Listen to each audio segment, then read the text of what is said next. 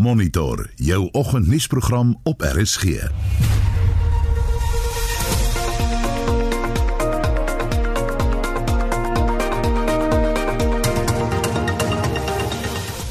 Die tweede helfte van Monitor 'n reuse olie tankskip in die Rooi See word 'n speelbal vir rebelle.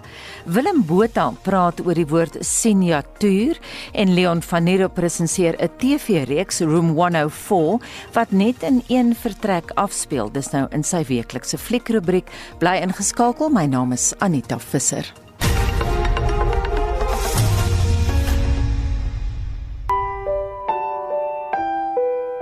Wat kan jy doen om te verseker dat die regte van mense met gestremthede wel toegepas word daar waar jy woon, werk of net sosiaal verkeer? Leefwêreld van die gestremde fokus op die regte van mense met gestremthede. Leefwêreld van die gestremde, Sondag namiddag 05:30 tot 5:00 saam met Fanie de Tooi en Jackie January.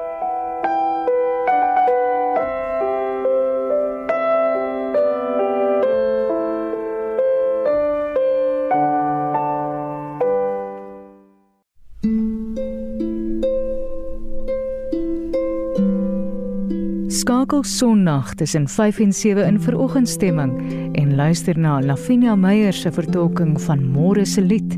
Die wêreldkoor vir vrede met Alleluia van die komponis Frederik Sixten en 'n antieke dans van Respighi. Dit is oggendstemming Sondag tussen 5 en 7 saam met my Estie Cross.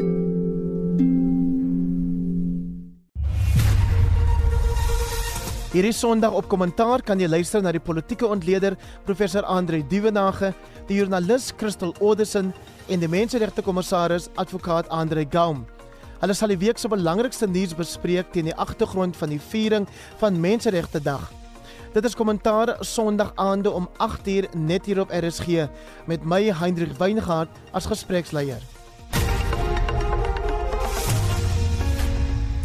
'n Reuse olie tankskip wat geanker lê in die Rooi See langs die kus van Jemen, het nou 'n speelbal geword vir die Houthi-rebelle. Die gevolge hiervan kan katastrofaal wees, so waarsku professor François Vrey van die Veiligheidsinstituut vir Regeringskunde en Leierskap in Afrika by die Universiteit Stellenbosch op Saldanha Bay. Goeiemôre. Môre Anita en ook aan al julle luisteraars. Fransja, hierdie tankskip lê nou al vir byna 6 jaar lank in daardie gebied. Wat is nou die probleem? Anita, dit is 'n uh, stoor- en aflaai fasiliteit vir olie wat op die oomblik uh, ongeveer 1.1 miljoen vate olie aan boord het. As gevolg van die oorlog op land en die feit dat die aanliggende gebied deur die Houthi-rebelle beheer word, is daar vir meer as 5 jaar bitter min onderhoud op daai vaartuig gedoen terwyl in werklikheid daar permanente veiligheidsspanne aan boord van so 'n vaartuig moet wees om te verseker dat die olie en die lug en die olieruime en die stelsels wat dit ja wat dit beheer uh, in stand gehou word en dat bepaalde mengsel uh, van lug in die tank dat dit stabiel gehou word want as jy dit nie doen nie dan raak dit vlambaar en dit kan tot by die punt kom waar dit uh, spontaan uh, detoneer. Nou wat is op die oomblik die probleem? Ons het nou in die inleiding verwys na die Houthi rebelle, maar wat presies doen hulle Fransjo? Ek weet jy hou daai storie nou dop. Die die feit is is dat die spesialistspanne wat na 5 jaar wil probeer om hierdie uh, vaartuig te stabiliseer, uh word verhoed of jy nou kyk na die kuswag van Jemen wie se verantwoordelikheid dit is of die voorstel dat jy 'n VN ingryping het om hierdie ramp te voorkom. Die Houthi rebelle uh het gewapende elemente op hierdie skip geplaas. Die vermoede is is dat hulle ladings op die skip geplaas het om te verhoed dat mense aan boord kom. Die tweede probleem waarna mense hier kyk is dat die Houthi-rebelle het ook in die omgewing seemyne gesaai. Uh die Saudi-Arabiese vloot het al veel operasies gedoen om van die myne op te spoor, maar dit is baie moeilik want hulle weet nie hoeveel myne uh gesaai is nie. Mm. En baie onlangs het 'n vissersboot uh die een van hierdie myne getref. So dit beteken daar is nog myne in die omgewing uh wat nie opgespoor en onskadelik gestel is nie. Uh die ander risiko hieroor is dat die VN wil probeer om veiligheidsspanne onder gewapende beskerming aan boord te plaas. Maar die die Houthi rebelle uh, alhoewel hulle ingestem het, wat op die oomblik gebeur is dat voordat die VN of enige party regtig die spesialistspanne in plek kan plaas, uh, dan gaan hulle terug op hulle woord en dan gaan die situasie maar terug na normaal toe en uh die onstabiliteit van die olie as sowel as die onstabiliteit of die integriteit van daai skip wat 'n uh, enkel rompvaartuig is wat al in 1976 gebou is en al vanaf 1988 so gebruik word uh lê daar en dit raak al hoe swakker en swakker. Hmm. Jy het nou verwys Fransjo as ek dit reg het na 1,1 miljoen vate, is dit korrek? Ja, daar is na beraming nog soveel olie aan boord en dan is daar 'n redelike groot hoeveelheid olie in die pyplyn uh wat vir 5 km plus vanaf die land na hierdie vaartuig toe loop wat net nooit uit die toevoerstelsel gepomp is nie as gevolg van die gevegte. So dit lê in 'n groot oliepypleiding wat onder op die seebodem loop. En ook belangrik om te weet vir die konteks, is dit nou ruolie? Ja, dit is dit is ruolie, maar dit is 'n tipe ruolie uh wat nie as 'n mens dit as swaar kan klassifiseer. Dis nie swaar ruolie nie, dis 'n 'n ligter mengsel. En die gevaar daarvan is is dat dis dit in die Rooi See wat weer 'n geslote see is vir land. Uh dit is 'n tipe olie wat relatief makliker met die seewater vermeng. Uh dit beteken dit vorm nie net 'n sluk op die water nie, dit sak ook af na die onderliggende water toe waar dit uh, tot 'n mate vermeng en dit hou weer 'n risiko in nie net vir die seelewe nie maar ook vir die inlate van ons soutingsaanlegte in die omgewing. Uh, terwyl jou skipsverkeer kan weer nie weer so 'n swaar oliesluk vaar nie.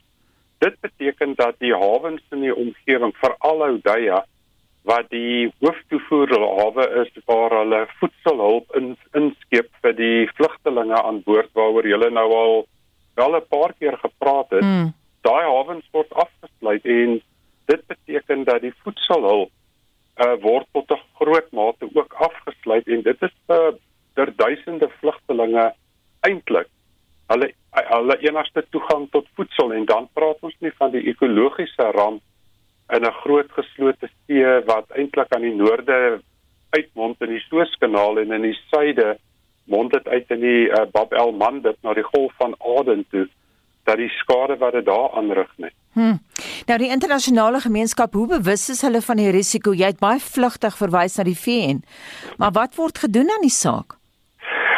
Kom ek kom ek sê vir jou so die VN by wyse van uh burgerlike organisasies probeer om dit op die internasionale agenda te hou.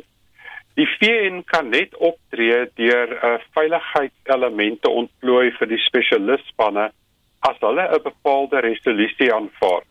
En daardie resolusie beteken hulle kan optree teen hierdie vaartuig om dit te beveilig want die vaartuig lê in gemeense gebiedswaters. Dit beteken dat die soewereiniteit van daai land uh strek ook na daai waters. So jy jy kan nie in die VN sal nie net optree nie.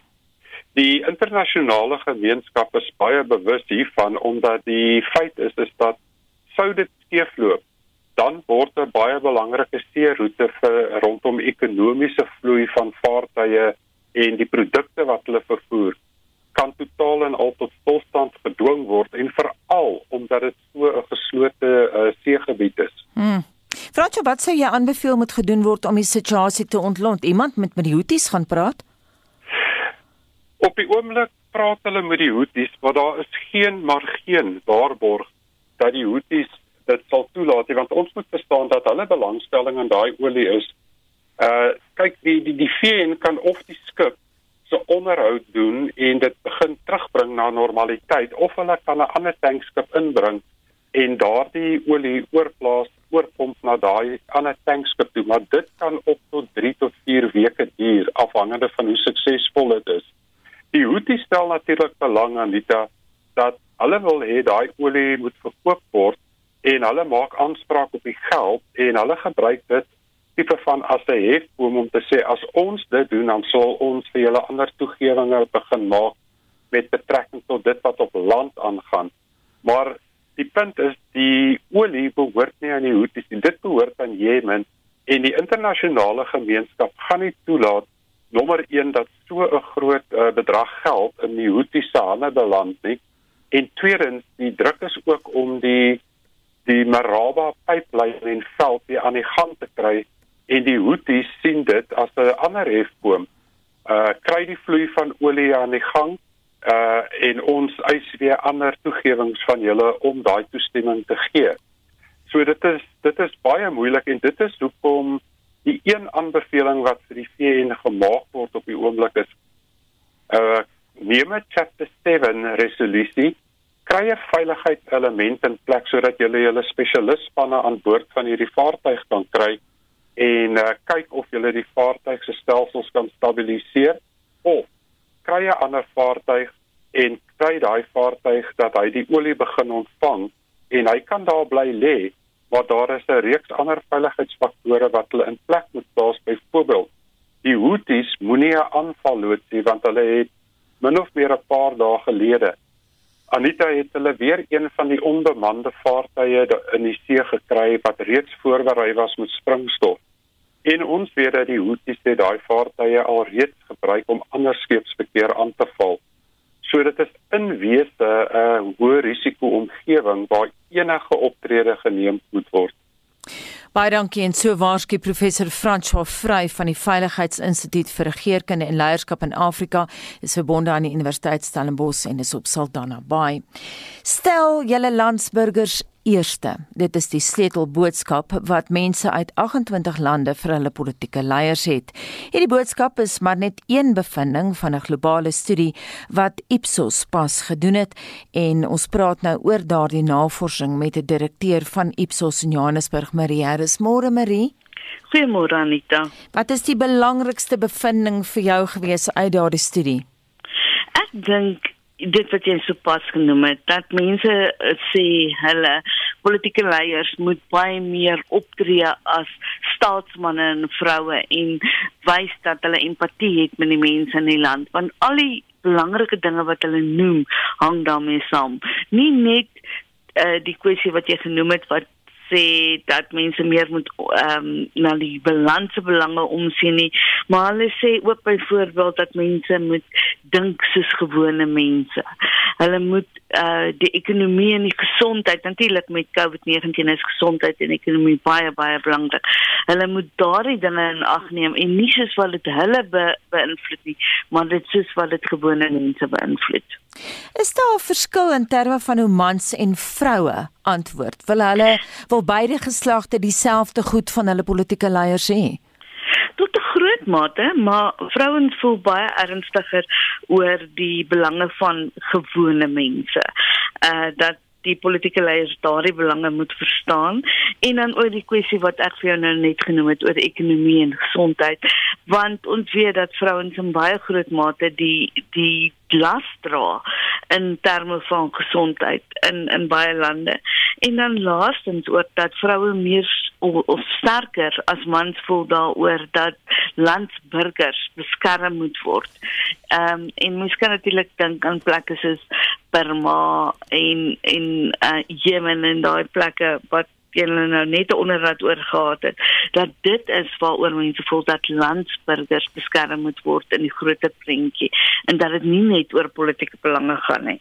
Het korrupsie ter sprake gekom, Marie?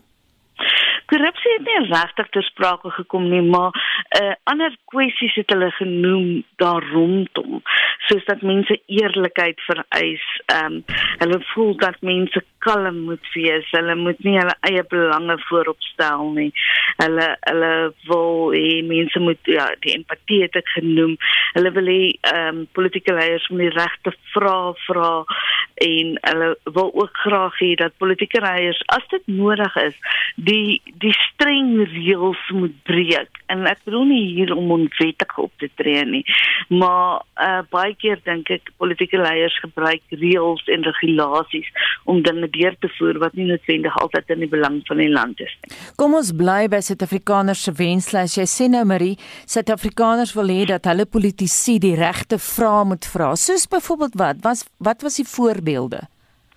Die voorbeelde was dinge soos ehm um, oor oor ekonomie en ehm um, oor oor die uh instof en oor ehm um, landsbelange so dit dis 'n kwessie van ehm um, ek dink burgers voel daar's ander kwessies wat vir hulle die lewe moeilik maak waaraan politici hulle nie noodwendig steur nie. Ek het jou net nou gevra oor die verskil tussen mans en vroue in terme van hierdie meningspeiling, maar is daar 'n verskil in terme van hoe die jeug dinge sien en hoe ouer mense dinge sien? Dis nou wêreldwyd. Is daar groot verskil daar of nie eintlik nie? Nie regtig nie. Dit is dis jy weet daar's klein verskille hier en daar en en uh jong mense voel veral sterk daaroor dat die ehm um, politici eerlik moet wees. Ek dink uh ouer mense het al reeds agtergekom dat daar baie beloftes gemaak word en nie noodwendig gehou word nie. Maar eerlikheid is baie belangrik vir jonger mense en dan ook die ehm um, kwessie oor ehm um, vir waar is dit nou wat ek wou sê? O, die ehm um, om my om my regte besluite op die regte tyd te neem. So ehm um, dit is vir jong mense baie belangrik dat jy nie moet jare wag om dinge deurgevoer te kry nie. Hulle is 'n bietjie meer ongeduldig as ouer mense. Was daar enige bevindinge Marie wat vir jou 'n verrassing was? Weet jy nie dat jy net bevindings nie wat vir my uitgestaan het as jy na hierdie 28 lande kyk en die kwessies wat vir elkeen van hulle belangrik is of jy nou in Peru bly en of jy in Suid-Korea bly of jy in 'n plek soos Rooshina bly. Ons was die land wat die sterkste gevoel het dat da, dat politici ehm um, die belange van hulle landsburgers eerste moet stel. Maar ander lande voel presies dieselfde daaroor, miskien nie so sterk as wat ons daaroor daardie kwessie voel nie. Maar vir my was dit interessant dat mense wat in totaal verskillende politieke stelsels bly, eintlik maar dieselfde soort van wense en begeertes en en hoop vir die toekoms het. Baie dankie en so sê direkteur van Ipsos in Johannesburg Marie Harris. Kom ons luister na musiek. Hier is Jacques de Priester met Alles vir liefde.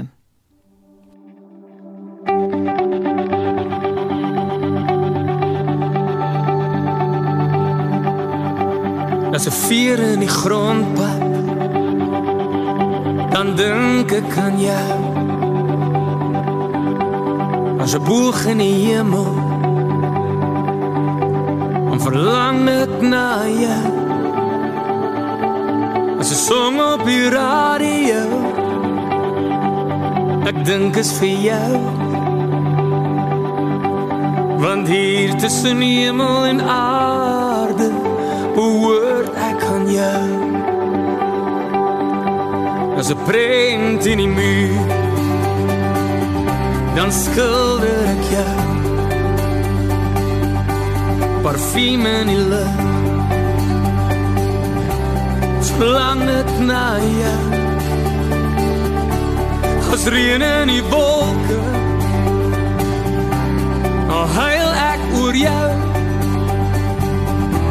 want hier tussen hemel en aarde behoort ek aan jou.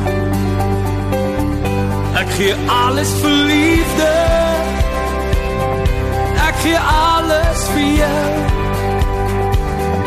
Ek gee alles vir liefde. Alles vir jou. Ek gee alles vir liefde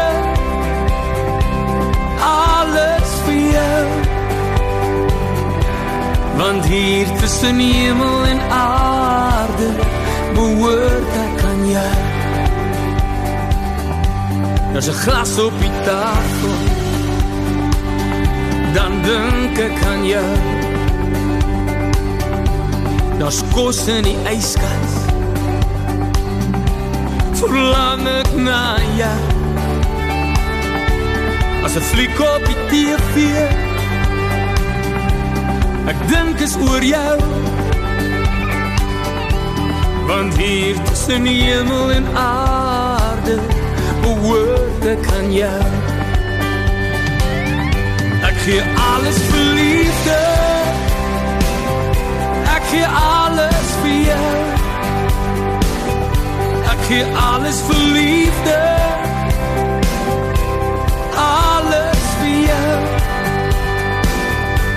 Gee alles vir liefde. Alles vir jou. Want hier tussen hemel en aarde behoort ek aan jou. Maar die son skyn in Kaapstad. En dit dan die stem van Jacques de Priester met alles vir liefde. Goeie idee daai. Dit bring ons by 7:30. Jy luister na Monitor elke weekoggend tussen 6 en 8. Hoofnuus vanoggend oud-president F.W. de Klerk is met longkanker gediagnoseer. 'n Klag van rasisme word ondersoek teen die voormalige fisiekanselier van Wits Universiteit, Arem Habib, wat tans in Brittanje werk. En die Kremlin eis 'n verskoning van die FSA na 'n uitlating oor die Russiese president. Bly by ons.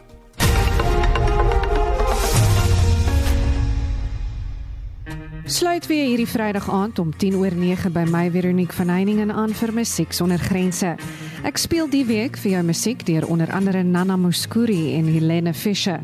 Michael Bublé en Laura Pausini sing You'll Never Find Another Love Like Mine en Fritz Wunderlich sing Caro Mio Ben. Dis Vrydag om 10 oor 9 net hier op RSG. ce la fa più. Notte adesso scende con le sue mani fredde su di me, ma che freddo fa, ma che freddo fa.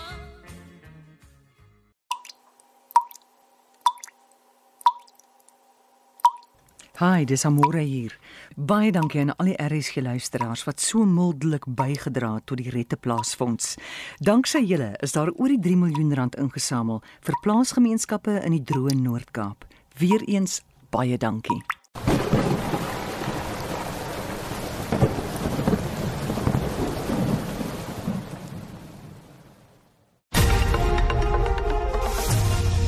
Daar is geen verkeer. In Gauteng is daar 'n stilstaande voertuig in naby die Corlet afrit wat verkeer laat ophoop en dis daar by die Melrose aardsgebied. Verkeer hoop ook op op die N12 by Boksburg in 'n westelike rigting en dit is weens 'n ongeluk naby die Atlas afrit. En dan as jy op pad is na KwaZulu-Natal, neem asseblief kennis daarvan dat op die N3 onderweg na Durban kan jy verskeie konstruksiegebiede verwag. Dis tussen Verleers en Warden en dan ook op die van Renenspas en deur die Escort gebiede. En daar sal oral daar net een baan oop wees. En dan in die Kaap is 'n ongeluk naby in Tokai aangemeld waarby 'n voetganger betrokke was en die veroorsaak nou 'n padsluiting daar by die Steenberg straat. As jy verkeersnuus het, stuur dit vir ons asseblief na 45889 en daai SMS sal jou R1.50 elke kos. En nou het Hendrik vir ons mooietjies die tafel gedek vir terugvoering. Sommer die besluit had nie meer rook nie, maar ek het daar by apteek by apteek my uh, dinges gekry, pil gekry wat ek gebruik het. Een in die oggend en een in die aand. En binne 'n week het ek nou 30 jaar opgehou met rook. David van Ooskaap, Oos-London. Ek het opgehou rook.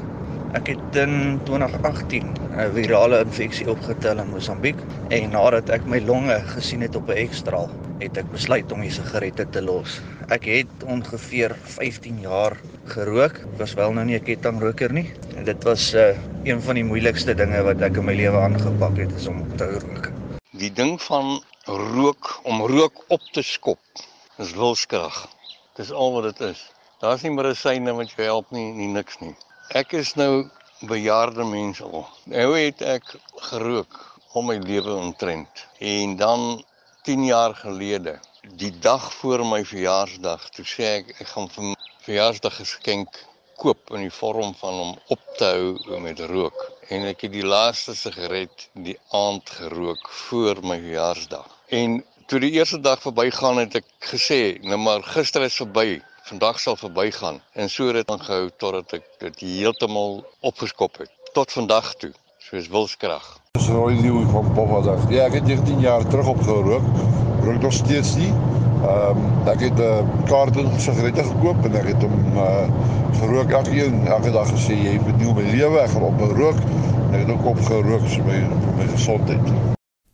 Ek moet sê dit moet uh, dit wil gedoen wees om na 30 jaar op te hou rook en dan daai een luisteraar Heinrich wat praat van hy definitief ophou rook toe hy uh, sy longe gesien het, jy weet die ekstraal daarvan hoe dit eintlik lyk. Anita vra jy vir 'n bekentenis? nee. Ek het dan staan dit een een ja? Saterdag aand een sigaret probeer rook maar klasmaat het my gevang en ek het toe nou nooit weer gerook nie want ek het die maandagooggend my spaargeld vir haar gegee terwyl ons die onsse Vader gebid het.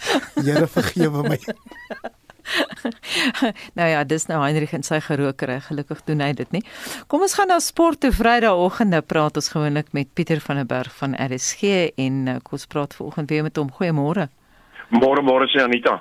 Verlede naweek was daar nog geen plaaslike rugbywedstryde nie, maar ons kan hierdie naweek uitsien na 3 wedstryde. Het ek dit reg so Pieter? Ja, Anita Doodreg, daar is vandag sommer twee wat plaasvind om kwart voor 5 vanmiddag, die Pumas teen die Cheetahs en dan vanaand om 7:00 die Bulls teen die Stormers. Môre vind die derde wedstryd plaas. Dis uh, in Johannesburg en die Lions sal om kwart oor 4 teen die Sharks op die veld draf. En daar is steeds al gereeld by ons span rugby verslaggewers 'n draai maak vir die jongste nuus. Dan vandag in Australië se eie super rugby reeks is dit die Rebels teen die Waratahs en môre speel die Reds teen die Western Force. En in Seeland is daar ook twee wedstryde die naweek. Môre is dit die Hurricanes teen die Chiefs en sonoggend die Blues teen die Crusaders en dan moet ons net by die ses nasies se draai maak.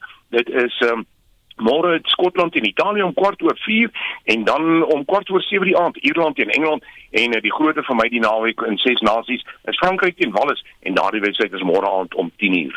Pieter gister was dag 3 in die plaaslike 4-dag cricketreeks waar daar nou 3 wedstryde gespeel word. Watter spanne voer die boot toon? Ja, daardie wedstryde eindig dan almal vandag nou in Johannesburg het Kagiso Rabada en Lito Sipamla elk 5 paadjies geneem terwyl Ryan Rickelson en Riza Hendricks 50 talle behaal het om aan die Lions 'n voorsprong van 251 lopies te gee met nog 4 paadjies staan in die tweede beurt en dis in hulle wedstryd teen eh, die Titans. In Kaapstad het Pieter Malan die hoogste individuele tang nog vir die Cape Cobras aangeteken. Hy het 264 lopies bygedra en uh, die Knights is nog 236 lopies agter met net twee paadjies staande. So die Knights is met hulle rig teen die muur daar. En dan in Port Elizabeth is dit Eddie Moore wat sy 1400 tal van sy loopbaan aangeteken het, maar dit was die 31ste keer dat Keshav Maharaj vir die Dolphins vyf paadjies geneem het wat dan die Dolphins se teiken van net 112 lopies los om die wedstryd teen die Warriors dan te wen. En dan was daar een uh, een internasionale wedstryd gister, dis die T20 wedstryd tussen Italië, uh, uh, Indië en Engeland gewees, die vierde ene en dis Engeland wat daar uh, pak gekry het. Ehm um, dit is uh, Indië wat wen met 8 lopies en Anita daan die reekstelling is nou 2 elk. Kom ons praat golfsake, wat gebeur die naweek? Ja, die sonskyn reeks is hierdie Gauteng kampioenskap wat gister op Ebotsy se buiteklub begin het. Tristan Strydom, hy is die voorloper op 800 gewees met Kyle Baker in die tweede plek op 700. En dan in die Europese reeks is dit die Kenia Open se eerste ronde wat voltooi is in Nairobi. Benjamin Herbert, hy is die voorloper op 700 syfer. Daar is sewe spelers wat uh, op uh, gesamentlik in die tweede plek op 600 is. Dit sluit Sam Horsfield en Rafael Jacqueline in. Justin Harding van Suid-Afrika, hy is daar 9de op 500. En dan in die FSA is die fokus op die Honda Classic in Palm Beach Gardens in Florida. Matt Jones, hy is die voorloper met 3 houe. Hy is op 900 syfer. Die besgeplaaste Suid-Afrikaner is Charles Swartsel en Erik van Rooyen. Hulle is 9 houe agter gelyk aan syfer. Hierdie week se ATP tennistoernooi word in Dubai gespeel. Is Lloyd Harris steeds in die toernooi? Ja, wie Anita, ongelooflike week vir Lloyd Harris. Hy het uh, natuurlik sommer hier in die week 'n paar groot name uitgeskakel. Gisterand in sy kwartfinale wedstryd het hy weer eens gewen, die keer teen Kei Nishikori van Japan, die telling 6-1, 3-6 en 6-3 en hy sal dan in die halffinale speel teen teen uh, Dennis Shapovalov wat vir Jeremy Chardy geklop het. In die ander halffinale is dit Ashlyn uh, Karatsev wat te staan kom teen Audrey Rublev. En die jaarlikse Dusi Kanoe maraton is ook aan die gang. Wie vaar die beste? Ja, die eerste skof is gister oor 42 km van Kamp se Drif na Dusi brug afgelê in die mansafdeling Andy Bouker. Hy het gemaklik daar gesien vir in die eerste skof en dit was Kombalani Nzamani wat tweede was. Sien Hank McGregor hy daar 'n vierde plek ingeneem en in die vroue afdeling Christy McKenzie, sy het gesê vir Jordan Peak tweede en uh, die Olimpiese roeier van Londen Brigitte Hartley, sy was daar derde gewees. Die tweede skop word vandag afgehandel en dan die derde skop sal môre plaasvind. Kom ons eindig met 'n draai op die sokkerveld. Watter inligting het jy vir ons daar, Pieter? Ja, vandag in die DStv se Premier Liga is dit Stellenbosch teen SuperSport United om 5uur en vanaand in die Engelse Premier Liga Fulham teen Leeds United. Môre in die Engelse Premier Liga twee wedstryde, Tottenham Hotspur speel teen Southampton en Brighton Hove Albion kom te staan teen Newcastle United. En dan in die FA beker is dit Bournemouth môre teen Southampton en Everton teen Man City. En in die plaaslike Premier Liga Golden Arrows teen Cape Town City is een van vier wedstryde wat môre gespeel word en daar is ook onder meer Chippa United teen Swallows. Ek sal môre 'n naweek aksueel sal ek weer gesels Anita oor die sportsake. Baie dankie dit aan Pieter van der Berg van RSG Sport. Jy luister na Monitor. My naam is Anita Visser en dis nou 7:40 en soos gebruiklik hierdie tyd van die oggend fokus ons fokus ons op internasionale nuusgebeure en die spanning laai op tussen die FSA en twee ander wêreldmoondhede en Heinrich het vir ons al die agtergrond daar. Anita, so ons het gisteroggend berig oor president Joe Biden van Amerika wat sy Russiese eweknie Vladimir Putin as 'n moordenaar uitgekry het en hoe dat dit die Russe op jette kole het om die waarheid te sê. Jy het vroeër melding gemaak daarvan dat die Kremlin 'n verskoning eis. Nou stamp Amerika koppe met China, ook oor menseregte vergrype en Amerika en China het in Alaska vergader om handelsbetrekkinge te versterk, maar die gesprekke het afgeskop met vyandige uitsprake vanaf albei kante. China beweer dat Amerika ander lande van hom wil vervreem terwyl die Amerikaanse afvaardiging China van vertoonmakery beskuldig het. Dit geskied alles teen die agtergrond van president Biden wat nou sy eie stempel op Amerika se buitelandse beleid wil afdruk om weg te doen met die eie soortige benadering wat deur sy voorganger Donald Trump gevolg is. En dan het ons die jongste nuus oor die COVID-pandemie in Frankryk. Daar word vanaf middernag vanaand 'n inperking ingestel weens die Franse owerhede se vrees vir 'n derde vlaag van die koronavirus. Dit geld veral vir die hoofstad Parys waar daar na berig word tans 1200 COVID-pasiënte in intensiewe sorgeenhede in plaaslike hospitale behandel word. Die inperking sal 'n maand lank duur en daar's ook inperkings wat ingestel word in ander gebiede maar nie so streng soos die in Parys nie. Frankryk het die afgelope 24 uur sowat 35000 nuwe COVID-gevalle aangemeld. En in Myanmar het veiligheidswagte weer op betogers in Yangon losgebrand. Dit is steeds deel van die naderdraai van 'n staatsgreep op 1 Februarie waaroor plaaslike burgers in opstand gekom het. In die nuutste voorval is 20 mense ook in hegtenis geneem terwyl weermaglede die protesgangers se versperrings aan die brand gesteek het. Nou hoewel die amptelike sterftesyfer op 217 gestel word, vrees nie regeringsorganisasies dat die syfer veel hoër kan wees. Die hardhandige optrede deur die veiligheidsmagte is reeds wêreldwyd veroordeel. En dan Heinrich terwyl die dood van Tansanië se president John Magufuli steeds sorg vir bespiegeling oor of hy wel aan COVID dood is, is daar ook COVID nuus oor 'n ander Afrika sterkman. Dit is naamlik die Ugandese president Yoweri Museveni wat reeds 30 jaar in die is en hy sleep na een van sy land se vernaamste onafhanklike koerante, die Daily Monitor vir laster hof toe. Dit is omdat hulle 'n bewering gepubliseer het dat die president glo in die geheim ingeënt is. En die berig is uit die Amerikaanse sakeblad Wall Street Journal oorgeneem. So erg was dit vir Museveni Anita dat hy die bewering reeds 2 keer in toesprake op nasionale televisie ontken het. Hy sê hy besluit nog watter een van die goedgekeurde enstowwe om te gebruik. En ons sluit af met 'n storie oor spogmotors so reg in jou kraal. Nee, eintlik so reg in die kraal van ons redakteur vanoggend ja, Wessel, Wessel Pretorius wat ook mm. Saterdag naweek aktueel die motorrubriek doen. En dit is dat Lamborghini sy grootste wins in 2020, let wel, dis die jaar van Covid, behaal het en die aanvraag spesifiek uit China uit en dan ook Duitsland en dit ten spyte daarvan dat die motorvervaardiger sy Italiaanse fabriek vir 2 maande gesluit was weens die pandemie. Hieroor het die uitvoerende hoof Stefan Winkelman gesê ons is verras. Nou nou moet nou mooi luister uh, Anita. Mm -hmm. Drie woorde oor aankope wat jou 6 nulle uit die sak sal jaag. Ja, ek dink nie ons gaan daai ding doen nie. Hendrik, dink jy ook nie? Dit dan Hendrik wat vir ons 'n opsomming gegee het van wêreldnuus gebeure. Ons bly by internasionale nuus. Die Namibiese minister van Finansies, Ipumpu Shimi, se jaarlikse begroting van 67,9 miljard Namibiese dollar wat in die nasionale vergadering ter tafel gelees, behoort die buurland se ekonomie 'n hupstoot te gee. Ons Namibiese korrespondent, Frikkie Wallis, het al die besonderhede. Die begroting is amper 6% kleiner as verlede jaar sin van 72,1 miljard Namibiese dollar. Dis 4,2 miljard dollar minder. Verlede jaar se begroting was die hoogste nog en die minister het daarop gewys dat vanjaar se voorgestelde besteding die regering sal toelaat om optimaal op die gevolge van COVID te reageer. Dit sal die pad vorentoe aandui vir die herstel van die ekonomie. Hy het juis in die lig van die Namibiese ekonomie wat met 7,3% ingekrimp het, die stimuluspakket verhoog van 8 miljard tot 9,1 miljard Namibiese dollar.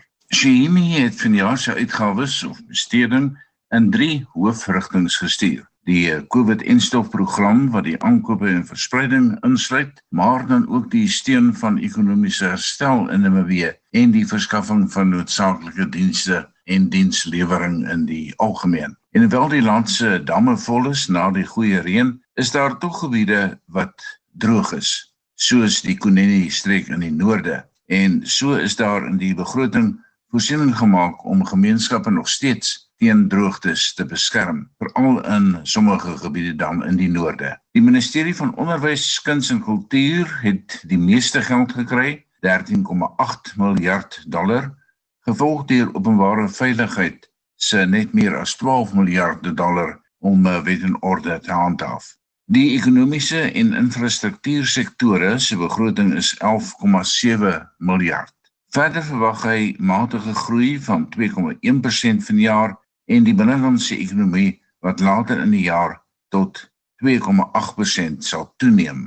Die minister se toewysing van 5,4 Namibiese dollar aan die ministerie van eh, geslagsgelykheid armoedeuitwissing en maatskaplike welsyn is wyd verwelkom. Dit verteenwoordig meer as 9% van die totale begroting en is hoofsaaklik bestem vir maatskaplike veiligheidsprogramme waaronder die stryd teen geslagsgerigte geweld. In verskeie radio en koerantreaksies vanoggend was daar gemengde gevoelens. Mense is bly oor die bedrag wat vir die bekamping van geslagsgeweld gegee is.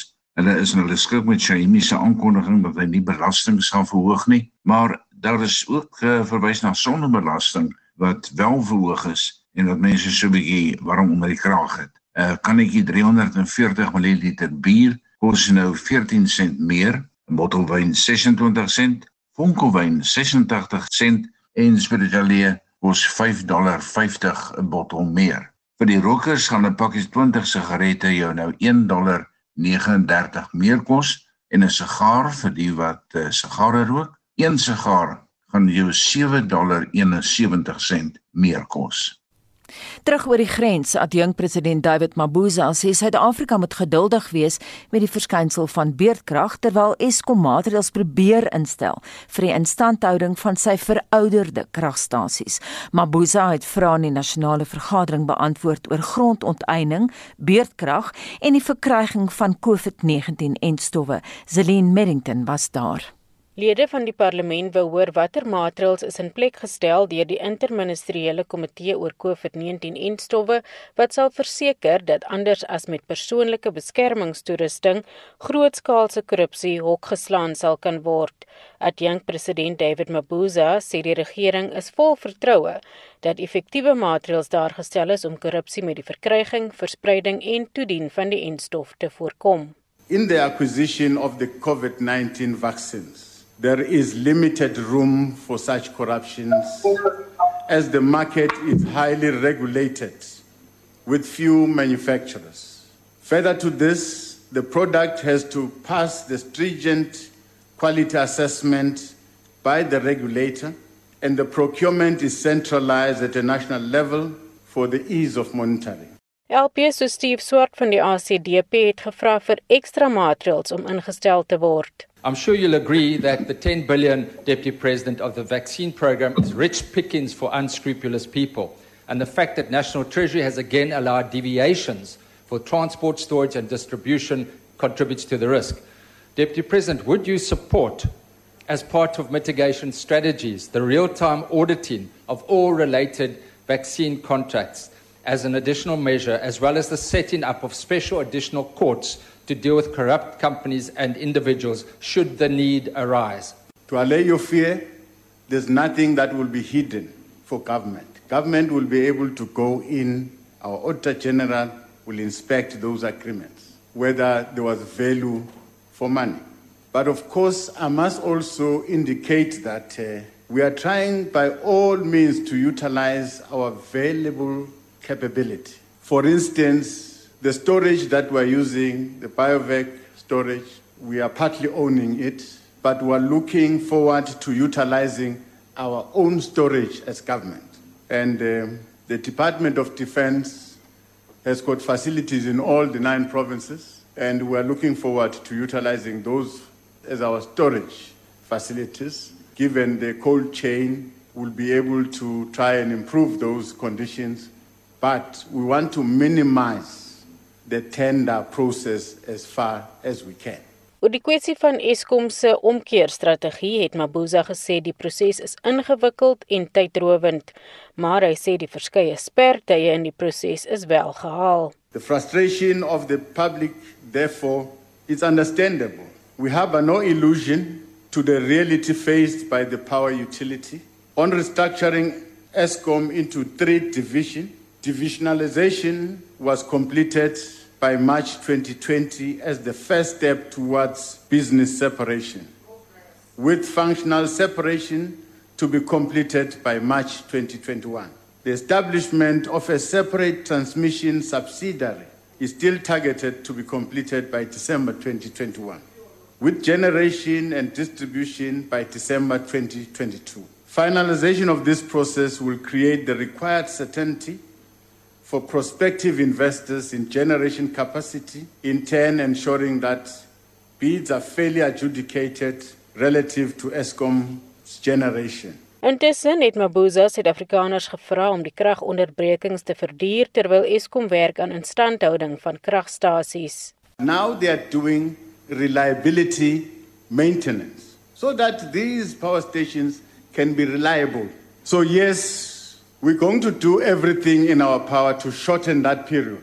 But for now, let's accept what the leadership of ESCOM has said. But we go, will go inside and say, let's put more effort to try and reduce the period of load shedding. Dit was adjunkt president David Mabuza, Zelene Merrington, Parlement.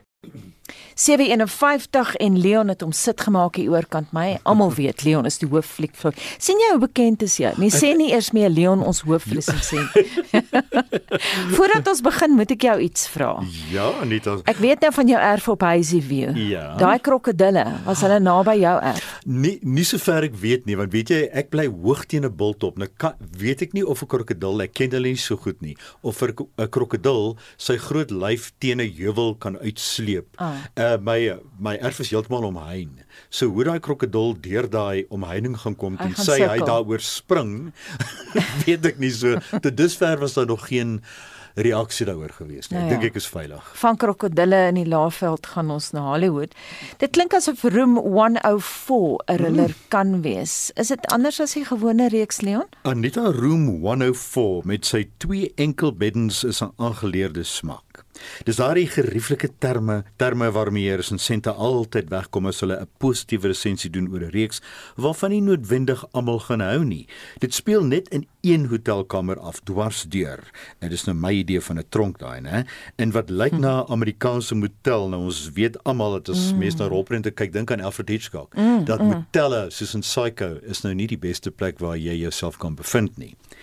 Nou, weet ons almal, veral mense wat met vroue gepraat het wat gereeld toeriste se kamers skoonmaak, Anita die goeters waarop hulle afkom, kan boeke volmaak, veral onder beddens en in jeg. badkamers. Mm. Jy wil nie weet nie. Maar Room 104 neem soms 'n ander paadjie. Elke episode is anders want nuwe mense dag in elke episode op en daar is nie 'n sentrale karakter wat die stories aan mekaar skakel nie. Hulle staan apart van mekaar en verskil soos pudding van pap gekookte kool. Die vreemdste gebeure vind plaas. Soms is dit surrealisties, soos 'n man wat met 'n spook in die kamer kommunikeer. Soms is dit komies, soos 'n paartjie wat 'n wegneem pizza bestel met 'n lelike kinkel in die kabel. Daarom werk sommige episodes. Ander, soos episode 3, werk glad nie. Gelukkig kan jy dit stroom en self besluit na watter episodes jy wil kyk. Met ander woorde, jy gaan so 15 minute in episode sien dit werk nie en gaan mm -hmm. na die volgende ene. Room 104 is op Netflix en kry 7 uit 10. Ek moet nou vinnig iets vertel oor Janet Lee wat in Psycho gespeel het teenoor hmm. Anthony Perkins. Ek lees gisteraan dat sy sê dat sy haar hele lewe lank na die fliek het sy probleme gehad om te stort. Ja, het jy weet jy daarvan? Ja, ek weet daarvan. Nee, ek weet daarvan. Kom ons gaan terug na die flieks toe of liewer reeks het daar onlangs 'n reeks begin met die vreemde naam Ad Vitam. Waaroor gaan dit nou? Wel, ek moet regtig vir mense waarsku. Ad Vitam gaan oor selfdood. Dus word veral sensitiewe luisteraars vooraan elke episode daarop gewys. Dit mag hulle ontstel. Die reeks speel in die toekoms af. Daar is 'n aksie genaamd Regeneration wat mense ondergaan wat vir ewig wil lewe deur in 'n bad te gaan lê en weer nuwe energie te kry vir die lewe. Die episode open hoeka met 'n tante wat haar 169ste verjaarsdag vier. Anita, stel jou oh. voor om daardie kersies uit te blaas. Hoe lank dit moet neem? maar, ja, dit sê daar, daar kom 'n koek, né, en, en en iemand moet die kersies uitblaas. Dis hoe die episode begin. Maar en dis wat die reeks veel besproke en ontstel geruststellend maak. Daar bestaan ook 'n groep, hoofsaaklik uit jong mense wat aan 'n selfdoodgroep behoort en wat self kies wanneer hulle tyd aangebreek het. Dus met ander woorde, dit is baie baie veel besproke, né? Mm. Die episode begin hoekom met sewe van hulle wat hulle eie lewens neem. Die ouens en jongens beklei dan in die reeks te mekaar oor die keuse tussen lewe en dood. Maar jy moet ook jou brein in eerste rad hou om te onderskei tussen die karakters en veral die stryd tussen die dood en 'n gekose lewe. Wees versigtig. Ek resenseer dit omdat dit heeltemal anders is as die gewone reeks. Dit kom uit Frankryk, maar is hoofsaaklik oorgeklank. Maar ook omdat die karakters meer individualisties en sterk is as waarin jy gewoond is. Dit voel of jy iewers tussen die dood en lewe huiwer in die reeks. Ad Vitam op Netflix 6 uit 10 oppas maar vir hom. En dan gaan ons nou iets heel anders. The Mauritanians spog met 'n Golden Globe toekenning dis nou vir Jodie Foster, maar geen Oscar benoeming nie. Is jy verbaas daaroor? Dit is vreemd. Ek nee? wonder of of politiek daar 'n rol gespeel het. Ek het ook gewonder. Ek, nie, ek, ek sien maar baie kommentators ja. het daarop gewys. Hoekom ja. is, is sy nie benoem vir 'n Oscar? Ja, ja, en sy het regtig, dis een van haar beste vertolkings mm. ooit. So ek verstaan nie, jong sy dalk iets gesê of iets gedoen iewers waarvan ons nie weet nie. Hollywood mm. politiek, mm. jy moet daar uitbly. The Mauritanian is inderdaad 'n taai rolprent. Dit speel hoofsaaklik op die berugte Guantanamo Bay af in die tronk waarheen politieke gevangenes gestuur word wat van aanvalle teen Amerika verdink word. 'n Jong man, Tahir Rahim, beland onskuldig in die tronk op Guantanamo Bay waar hy vir 14 jaar gemartel en gebreinspoel word. Jodie Foster is 'n prokureur wat probeer om hom nie net daaruit te kry nie, maar ook sy onskuld te bewys. The Mauritanian is 'n strak formele koelbloedige film en alhoewel die storie jou sal ontstel, is die karakters nogal geslote en ontoeganklik en maak 'n mens moeilik kontak met hulle, maar dit vlek wreed oop wat met gevangenes daar gebeur en vra die vraag: durf 'n beskaafde land werklik so onmenslik optree? Moet Guantanamo Bay dalk permanent gesluit word? The Mauritanian 7 uit 10 maar dis slegs in fliekteaters as jy dit wil sien. En van Leon van Neerop gaan ons na Dr Willem Botha wat ver oggend praat oor die woord signatuur. Sintyn Skutte, De Klerk Olofse en Dean Bali het op die onlangse Fiesta prysaand die signatuurprys vir jong kunstenaars wat reeds hulle merk in die bedryf gemaak het ontvang. In 'n onderhoud met Sintyn Skutte verwys Hanlie Retief na die signatuurprys as die prys met die fancy naam. Iemand se signatuur is die kenmerkende eienskappe of karaktertrekke wat met daardie persoon geassosieer word. In die Woordeboek van Afrikaanse taal word die volgende voorbeeldsin by hierdie betekenis van signatuur verskaf. As skilder met 'n eie signatuur sal Maud Summer voortgaan om getrou aan haar doelstellings te ontwikkel. Hierdie jong kunstenaars het reeds hulle stempel op die teaterbedryf afgedruk en die publiek is bekend met hulle kenmerkende eienskappe as akteurs.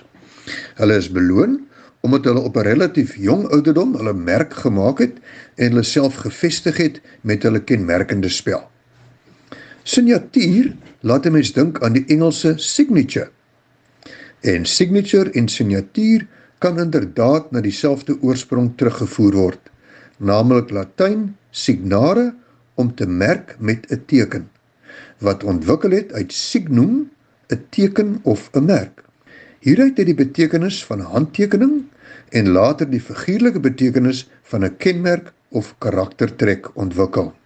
Sintyn Skutte vertel in 'n onderhoud met Hanlie Retief in rapport dat sy as 'n bakvisie gesê het dat sy haar linkerbeen sal afsny om saam met Anna Mart van der Merwe te speel.